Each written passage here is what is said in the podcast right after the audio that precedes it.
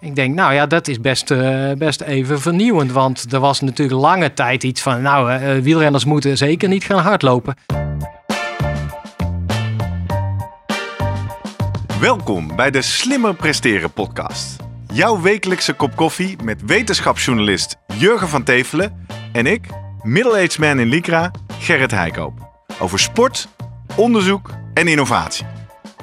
Voor mensen die hun grenzen willen verleggen, maar daarbij de grens tussen onzin en zinvol niet uit het oog willen verliezen.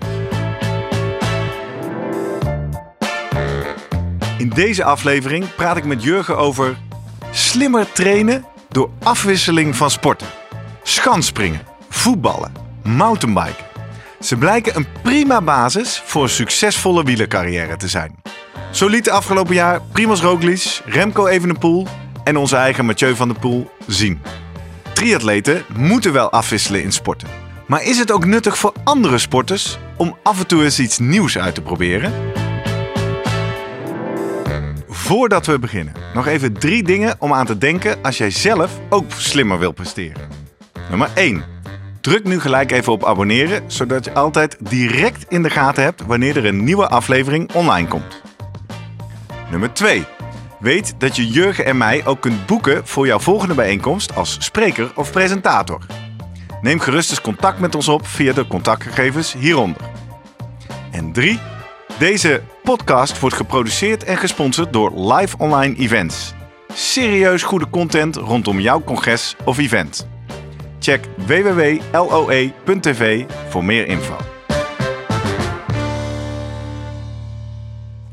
Ja, Jurgen, een artikel over verschillende sporten. Uh, zowel voor topsporters en natuurlijk in deze aflevering gaan wij proberen uit te zoeken of dat ook voor amateurs interessant is. Ja. Wat was de aanleiding voor jou om dit artikel te schrijven? Aanleiding is, uh, ik, ik schrijf de vaste rubriek wetenschap op wielen voor Wielrenblad. En uh, zij kwamen voor het laatste nummer, zeiden ze, ja, we gaan een combi doen met het, het mountainbikeblad, Up Down. Uh, ja, dus we willen eigenlijk wat specifieker nu over de combinatie uh, of kruisbestuiving tussen mountainbiken en wegwielrennen.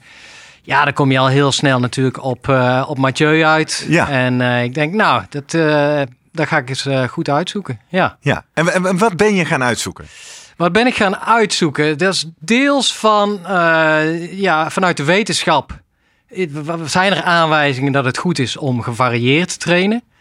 Dus ik heb zelf uh, wat studies zitten lezen, wat filmpjes zitten kijken en uiteindelijk uh, contact opgenomen met Guido Vroemen, die, die en mountainbikers en triatleten en hardlopers en zelfs Jetse Plat, een handbiker, begeleidt. Om eens naar zijn ervaring en zijn kennis te vragen van, ja, kun je die dingen een beetje combineren? Hoe ja. is het goed? En, en dat is anno 2019, anno 2020 vernieuwend omdat de klassieke modellen zijn. Om ergens heel erg goed in te worden, moet je iets 10.000 uur doen. Oftewel trainen, trainen, focus, focus, patronen inslijten, spier, memory, weet ik wat. Uh, wat is het verschil van deze aanpak? Ja, het is inderdaad, het zijn dingen die steeds weer terugkomen. Die 10.000 uren regel, die, die kent dan iedereen. Uh, ja. is, is daar eigenlijk een wetenschappelijke basis ja, voor? Ja, het is gebaseerd op een studie, begrijp ik. Waarin inderdaad, ik weet niet of het piano spelen, uh, een Zweedse studie. En die heeft, uh, ja, ineens, die heeft het, uh, die hebben mensen opgepikt. En nou, daar, er is een boek verschenen van David Epstein, Range. Ik ben erin begonnen. En dat gaat puur daarover van, is het nou beter om te specialiseren of juist nou ja, een beetje breder op te leiden? En hij pakt dat meer uh, breder dan alleen topsport aan. Ook voor in de maatschappij. En eigenlijk is zijn conclusie, ja, uh, niet te vroeg specialiseren. En hij begint bijvoorbeeld hoofdstuk 1, gaat Tiger Woods versus uh, Federer. Tiger Woods die op zijn derde, vierde al in de... In Even hè, voor, de, voor de jeugd die kijkt en luistert. Tiger Woods, ja, een zeer succesvolle golfer. Zeker, ja. Roger Federer, nou, die is nog actief. Maar, Als tennisser. ja. En die zet hij tegenover elkaar, omdat Tiger Woods al op jonge leeftijd uh, in, in, in, uh, op tv kwam. Met, uh, ja, kon al perfect afslaan. En als het voorbeeld van, kijk, als je maar jong genoeg begint. En ja, dat, dat gaat drillen en inderdaad inslijten. Nou, dan word je een, een goede golfer. Ja. Zet hij tegenover Federer, die op jonge leeftijd, leeftijd helemaal niet alleen tenniste. Hij, hij skiede, hij deed andere dingen. Hij was ook heel driftig trouwens. maar pas later bleek van, nou, koos hij voor tennis. En nou, zie daar, als er iemand lange tijd aan de top, top staat, is hij het wel. Um, dus en vanuit eigenlijk de, de bewegingsonderzoek en de, de, motorische leer is eigenlijk al heel lang bekend dat dat inslijten waar je het ook over hebt, dat dat expliciet leren, dat dat eigenlijk niet helpt zo of niet, niet goed werkt. Dus dat jij de Om wat? perfecte... Misschien moeten we voordat we daar verder diep in duiken even bepalen. Wat is dan, hoe meten wij beter of slechter? Hè? Ja, dat is een goeie. wat is de prestatienorm of de meetlat Nee, waar we dit langs leggen? Ik herinner mezelf bijvoorbeeld, ik, eh, ik heb vroeger getennist, dat was echt mijn sport. En dan weet ik, in het begin eh, had je nog een tennisleraar die ging dan om je heen staan en die pakte je arm, Ja. boog je naar achteren en dan deed hij de perfecte beweging. Ja. En dacht je, ah, als ik dit maar blijf herhalen, Het perfecte achtje, toch? Ja. Is het in tennis? en dan kun je natuurlijk in de, in de spiegel gaan kijken of eh, ja. Eh, eigenlijk onderzoek laat zien dat dat niet de manier is, maar dat elk, de perfecte beweging bestaat niet. En is afhankelijk van het lijf dat het uit moet voeren. En elk lijf heeft daar weer ja, zijn, zijn, zijn grenzen en zijn beperkingen. Afhankelijk van hoe je gebouwd bent, hoe jouw gewrichten, eh, hoe soepel en flexibel die zijn, jouw pezen. Eh, en dat dat lichaam, dat er komt het weer, prima in staat is om de oplossingen te zoeken. En dus met die grenzen om te gaan. En dat is denk ik wel eh, een. En ja, ik, heb een mooi filmpje, zetten we op, op, eh, ook op de show notes. Nou, dat gaat over een Duitse kogel. eh, Kogelstoter, gooier. toch? De stoter, ja. ja, ja, ja. En nou ja, dat is, dat is bijna circus wat hij doet. Hij doet echt malle fratsen. En je denkt, In zijn ja, trainingen bedoel je? in zijn trainingen. Dus met een gekke aanloop. Of hij vertraagt eens. eh, of hij, hij doet geen aanloop. Ik denk, ja, die mafketel. Maar uiteindelijk, eh, dus, dat, dat, dus dat differentieel leren is gewoon eigenlijk die grenzen steeds opzoeken. Eens kijken van, oké, wat als ik eh, nou, op deze manier kom aanlopen. Of als ik mijn linkervoet eens voorzet in plaats van rechts. En dat lichaam gaat steeds weer op zoek naar de beste oplossing. Dus het wil niet zeggen, ja, je moet dat wel blijven oefenen. Maar uiteindelijk komt daar dan de voor jou beste beweging uit. En die vent wordt uiteindelijk wel eh, tweede volgens mij van Duitsland. Of wordt gewoon een goede kogelstoter. En dat is, eh, ja, dat differentieel leren. Dat is wat je terug ziet komen, ook in het wetenschappelijk onderzoek. Ik weet nog van, van En, wat betekent dat precies, differentieel leren? eigenlijk variatie aanbieden. Op- op- aan je lichaam. Als verschillende trainingsprikkels, verschillende Training- bewegingen. verschillende trainingsvormen.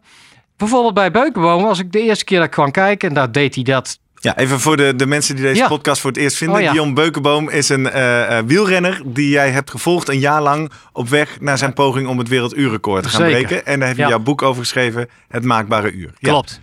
En de eerste keer dat ik ging kijken was logischerwijs op de baan. Ik denk, nou ja, want daar gaat het record eh, uitgevoerd worden uiteindelijk. Maar dat was toevallig eigenlijk. Want hij trainde dan één keer per week op de baan. Maar al die andere keren was hij op de weg. Of eh, zat hij thuis eh, op, op een stationaire bike. Of...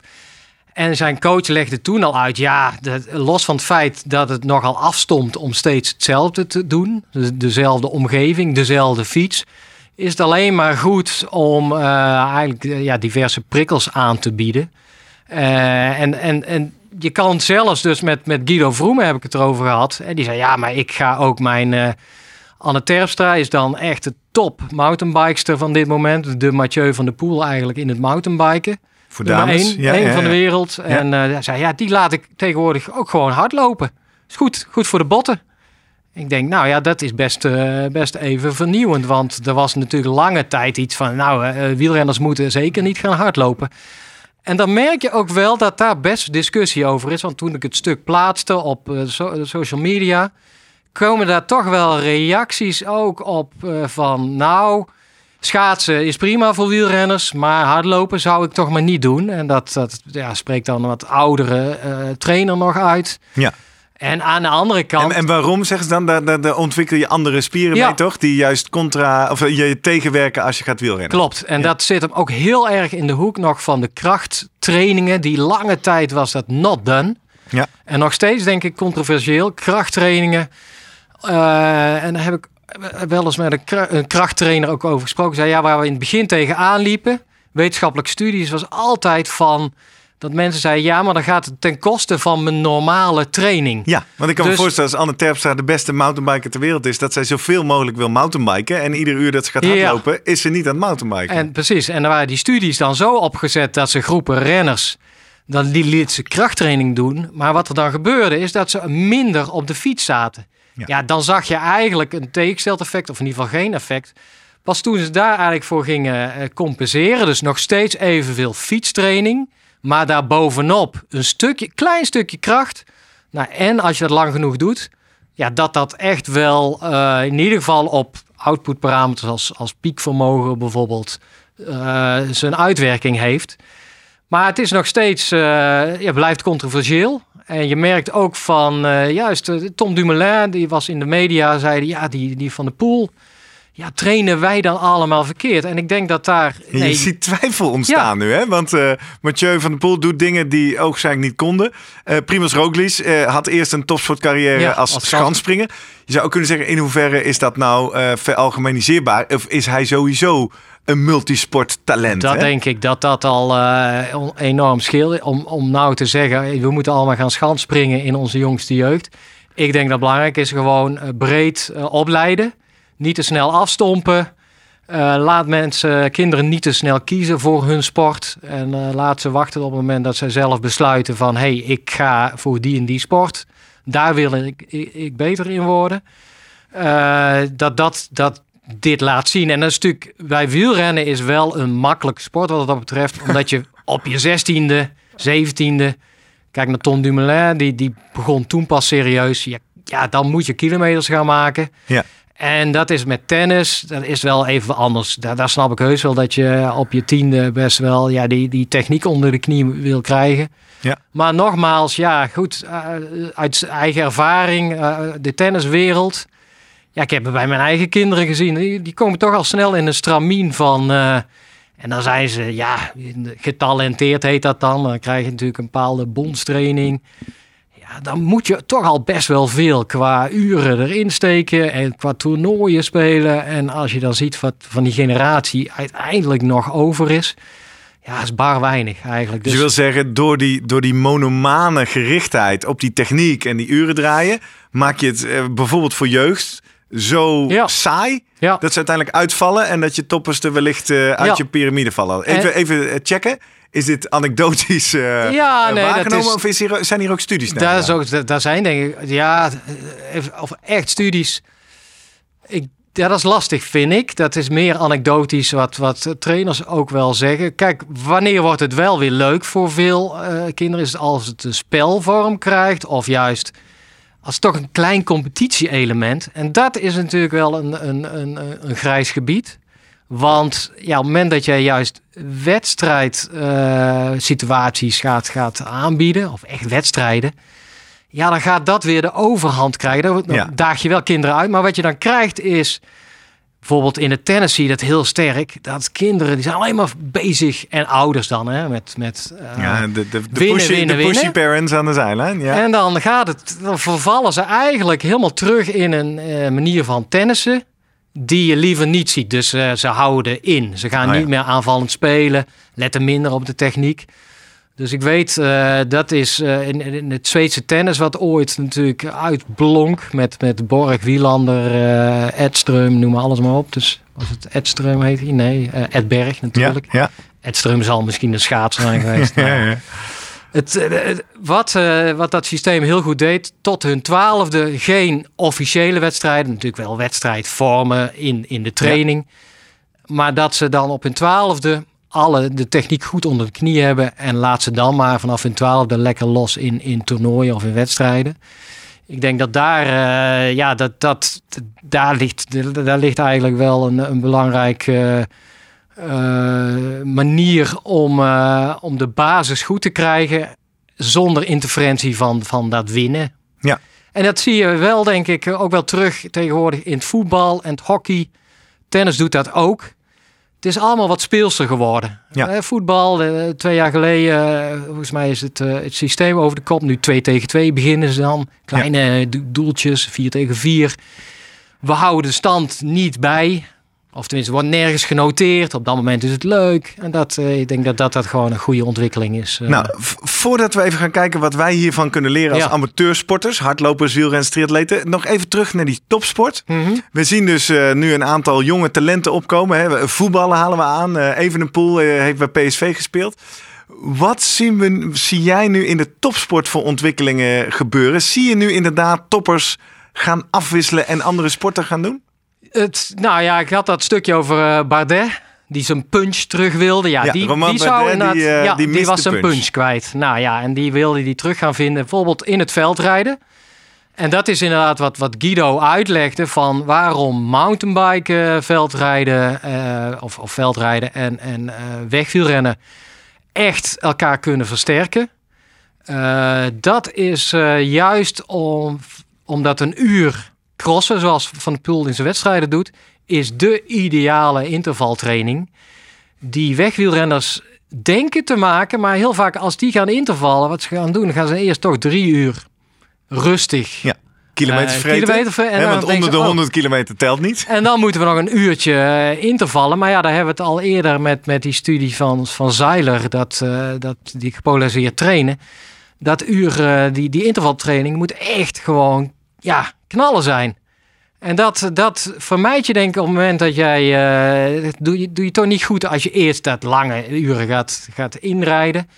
Dus in die zin is veldrijden eh, of mountainbike is perfect daarvoor. Ja, meteen intensief. Ja, en dat eh, belast of dat traint verschillende energiesystemen. Dus aan de ene kant je duurvermogen, die aerobe tank, dus de, de- waar, waar, de, waar de zuurstofopname heel belangrijk is.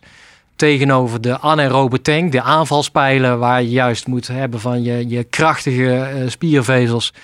Die het eh, doen op de anaerobe verbranding zonder zuurstof. Kunnen misschien ook nog eens een keer wat, wat eh, uitdrukkelijker behandelen. En hij zegt, ja, dat is gewoon die. Dat is super belangrijk, ook voor een wegwielrenner. Die moet die punch inderdaad hebben. Die moet af en toe kunnen versnellen. En dat is natuurlijk, als je, als je wegwielrennen bekijkt en je kijkt naar die powermeters, ja, dan rijden ze.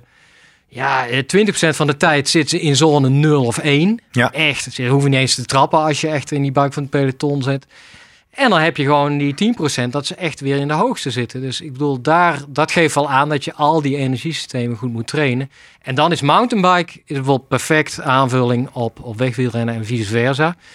Maar wat, wat ik wel heel gaaf vond, was toen hij zei... ja, je moet eens een filmpje van Nino eh Schurter kijken. Dat is concurrent van Mathieu in het eh, mountainbike. En toevallig, ja, ik doe ook... eh, wij, wij zijn samen lid van de UATT. Dat Ja, mogen we hier de. Utrechtse Heuvelrug Triathlon eh, team. Ja. En die biedt dan dat uurtje Body Boost op woensdag aan. ja. Daar heb ik jou nog nooit gezien. Nee, nou daar kan ik wel iets over vertellen. Ja, ja, ja. Maar wat maak je Want eh, daar waren we ook, daar, daar stuurde Jan, die zei: Ja, goed, ik stuur je filmpje op van Sjoerd. Ik denk: Hé, hey, maar die ken ik. Ja, Nou ja, en als je ziet wat hij doet, ja, dat, dat is pure acrobatiek. Dus die, ja, die, die, die, die is met skippyballen bezig. Die is zelfs aan het, aan het jongleren met eh, drie ballen en dan staat hij op een wankel plankje.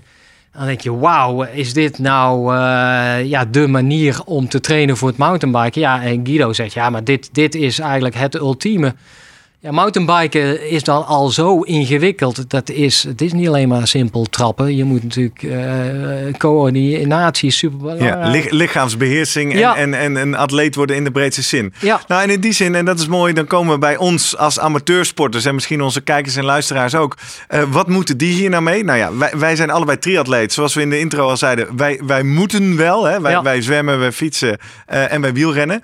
Ik heb in de tijd dat ik vlogjes maakte, ook alles met Marco, daar, daar gingen we een, een Ja. mountainbike clinic doen. Als triatleet en vroeg ik hem waarom gaan wij als triatleet mountainbike? Zei hij precies dat. Ja. Je leert beter sturen. Het is intervaltraining. Dus als jij tegen de tijd dat je in koers zit en je moet bochten rijden, ben je gewoon veel behendiger op de fiets. Ja, en die body boost, dat, eh, dat wordt bij ons in de club de, de vierde discipline. Oftewel, we, we zwemmen, We hardlopen, we fietsen. En Bodyboost is eigenlijk ja, een soort, soort bootcamp-achtig. Het is kracht- en lenigheid training, een uur lang. En eh, nou, ik heb dat wel degelijk gedaan in het eerste jaar. Toen wij dat nog online aanboden. Want ja, ik kan nou Ah, eenmaal op eh, woensdagavond niet het huis uit. Maar waar ik naartoe wil.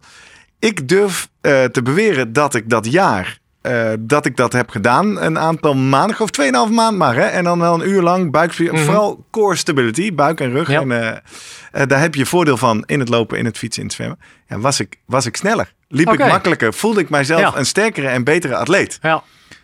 Nou is de vraag, waarom, ja, ik, mij lukt dat dus niet om dat 's ochtends vroeg in mijn eigen kamertje te doen. Ik heb zo'n setting van een trainer nodig die zegt, je gaat nu 30 sit-ups doen, terwijl ik bij 20 had denk ik ben er wel klaar mee. Ja. Dus ik, ik kan alleen maar beamen. Ik mis het wel. En ik, ik zou iedereen die luistert of kijkt willen aanraden. Als je eh, triatleet, een betere triatleet wil worden. Maar ook een betere hardloper of wielrenner.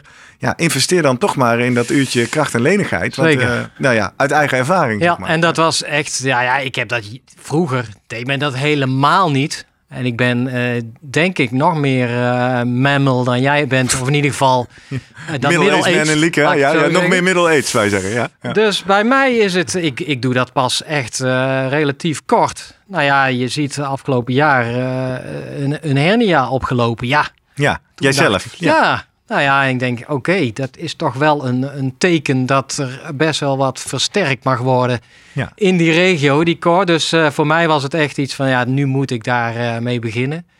Nou, ik, ken- eh, ik herken het ook wel. Ik heb onlangs, eh, ik loop dan nu een wat langere afstanden, half marathon, hele marathon. ja, En dat gaat dus ook, dat ga je in je onderrug voelen, Ja, hè? Want ja. je denkt hardlopen doe je met je benen. Maar ja, je moet natuurlijk op een gegeven moment ook twee uur of, of vier Absoluut. uur eh, Ja. dat bovenlijf recht houden en, En dan- overeind houden en, meenemen. ja, dat is ook weer dat lichaam dat zoekt naar oplossingen. En die denkt, oh, we geven daar een beetje vrijheid, et cetera. Maar dat geeft uiteindelijk energieverlies. En als jij te veel die, eh, die grenzen van het lichaam gaat opzoeken... Ja, als je jong bent, dan, dan weet dat lichaam wel goed te compenseren. Maar op een gegeven moment, op onze leeftijd, doet het dat niet meer. En ik denk dat je daar tegenaan loopt. Het is wel nog een, waar ik aan dacht, is ja, dat, dat van de poolverhaal is natuurlijk eigenlijk ook weer oude wijn in nieuwe zakken. Hè? Dat, Vertel, waarom? eh, ja, eh, kijk, er zijn altijd eh cyclocrossers in het wielrennen geweest. Daar hoeven Cyclocross is een moeilijk ja, woord voor veldrijden, veldrijden, ja. En dat was ook eh, naar aanleiding, dat zag ik ook eh, toen ik dat de, op, op Facebook waren meteen reacties van eh, de mensen die, die nog meer historie kennen dan ik zelf. En die zeiden ja, maar je hebt die en die en die en dan een heel lijstje. Dat is allemaal niet zo nieuw. Wel mensen in de winter of renners in de winter dat, dat veldrijden denken. Mountainbike is relatief nieuw, maar ja, dat is ook een relatief nieuwe sport, denk ik. Ja. Alhoewel, ja, Bart Brentjes was toch wel echt iemand anders dan eh, destijds eh ja, Teunissen Rooks. Dus Ja, dat, ja. dat beet elkaar toch wel wat sterker. Maar wat je nu wel ziet, en daar kom ik toch weer ook op mijn, mijn mammal eh, fietsgroepje. Ja, waar het dan over gaat is, ze moeten allemaal nu een gravelbike. Ja, dat is hot, hè? Nou, Gravel ja. ride. Ik weet niet zo goed wat dat is. Ja. Is toch gewoon over een landweg fietsen? Ja, weet je wel, inderdaad, gra- over gravel. Alsof je, ja, overal gravelpaden is net een beetje tussen het Dat is mountainbiken een en wielrenfiets met dikke wielen. Ja, Ja. en dan kom je Ik zou weer. zeggen, pak de mountainbike, toch? Maar Ja. Dat is niet oké? Ja, nou ja, als ik hun moet geloven niet. Want eh, er zijn er al een aantal die, die hebben hem voor een, eh, een mooi bedrag. Het zijn prachtige fietsen. Ik zeg, dit, dan, dit, dit- eh, dit is een mooi momentje voor wat eh, eh, kijkers en, en luisteraars interactie. Ja. Als jij een gravelbike hebt gekocht, leg ons alsjeblieft Ja. uit waarom gravel rides en gravelrijden echt wat anders is dan op je mountainbike Ja. een rondje over een landweg. Maar ja, allemaal mooie fietsen. Zeker. En, en, en, en de prijzen zijn ook navenant. En, maar dan hoor ik toch wel iemand zeggen... ja, hm, ik moet hem ook wel veel, veel schoonmaken nog. ja. En dan denk je, oké, ja, goed, dan heb je die. Ja, omdat hij zo mooi blinkt en je hebt er dat, dat, eh, dat, dat prijskaartje hangt eraan. Ja. Ja, het is, dus het is ergens wel een marketingverhaal. Waar je vroeger gewoon af kon met, eh, eh, met één fiets waarin, waarin je in, in het veld ging. En ik denk in het bos is de mountainbiker er mooi na, naast gekomen. Maar je hebt natuurlijk fatbikes en nou ja, die gravelbikes. Ja, en dan komen we op een gebied dat wordt langzaam duik. Daar zijn wij allergisch voor, hè? Ja, Marketingverhalen. Want dan, Ja. dan, dan werken we toe naar onze hoofdvraag van iedere aflevering. En dat is in dit geval afwisselen van sporten. Is dat onzin of zinvol? Zinvol. Zeer zinvol, Zeker. eh, maar daar zijn we dan wel specifiek in. Ja. Ga alsjeblieft iets doen met je core stability, buikspieren trainen, krachtlenigheid een uurtje. Ja. Als triatleet zeker. Als je alleen maar hardloopt of fietsen, pak eens een van die andere twee erbij, toch? Ga Ja. naast het wielrennen ook hardlopen, eh, of ga naast het hardlopen ook eens op een fiets zitten. En dan wordt het onzin op het moment dat jij dit eh, argument gebruikt om jezelf eh, recht te kletsen dat je Ja, nog een fiets dat, van 3000 eh, euro moet Helemaal hebben. mee eens, ja. Ja, hè? Nou, nou, daarmee komen wij tot de conclusie: slimmer sporten en slimmer presteren door afwisseling, jazeker. Ben jij nou nog niet uitgepraat, dan praten we graag met jou verder. Bijvoorbeeld op Twitter en Instagram via @slimmerpodcast of via de reacties onder de post over deze aflevering op onze website www.slimmerpodcast.nl. Ja, of je kan gewoon ouderwets een mailtje sturen naar post apenstaartje slimmerpodcast.nl. En wat we ook leuk vinden, mocht jij nou nog iemand kennen voor wie deze aflevering ook leuk of interessant is, stuur hem dan vooral door. WhatsApp, Facebook, Twitter, Instagram. Nou, Instagram kan natuurlijk niet. Maar anyway, stuur de link aan ze door. En laat een review achter, zodat nog meer mensen eh, deze podcast kunnen gaan ontdekken. En we vinden het altijd leuk om dan zo'n reactie voor te lezen. Jurgen, hebben we al een eh, leuke review die we kunnen voorlezen? We hebben zeker eh, de reacties zijn er volop. En eh, ja, die beantwoorden ook weer netjes.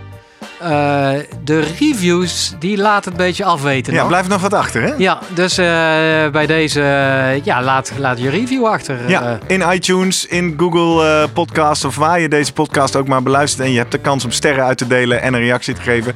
Wij zijn heel benieuwd wie jij bent, waar je luistert en wat je hiervan vindt. Mooi, daarmee komen we op het einde van deze aflevering. Tot volgende week bij onze volgende kop koffie.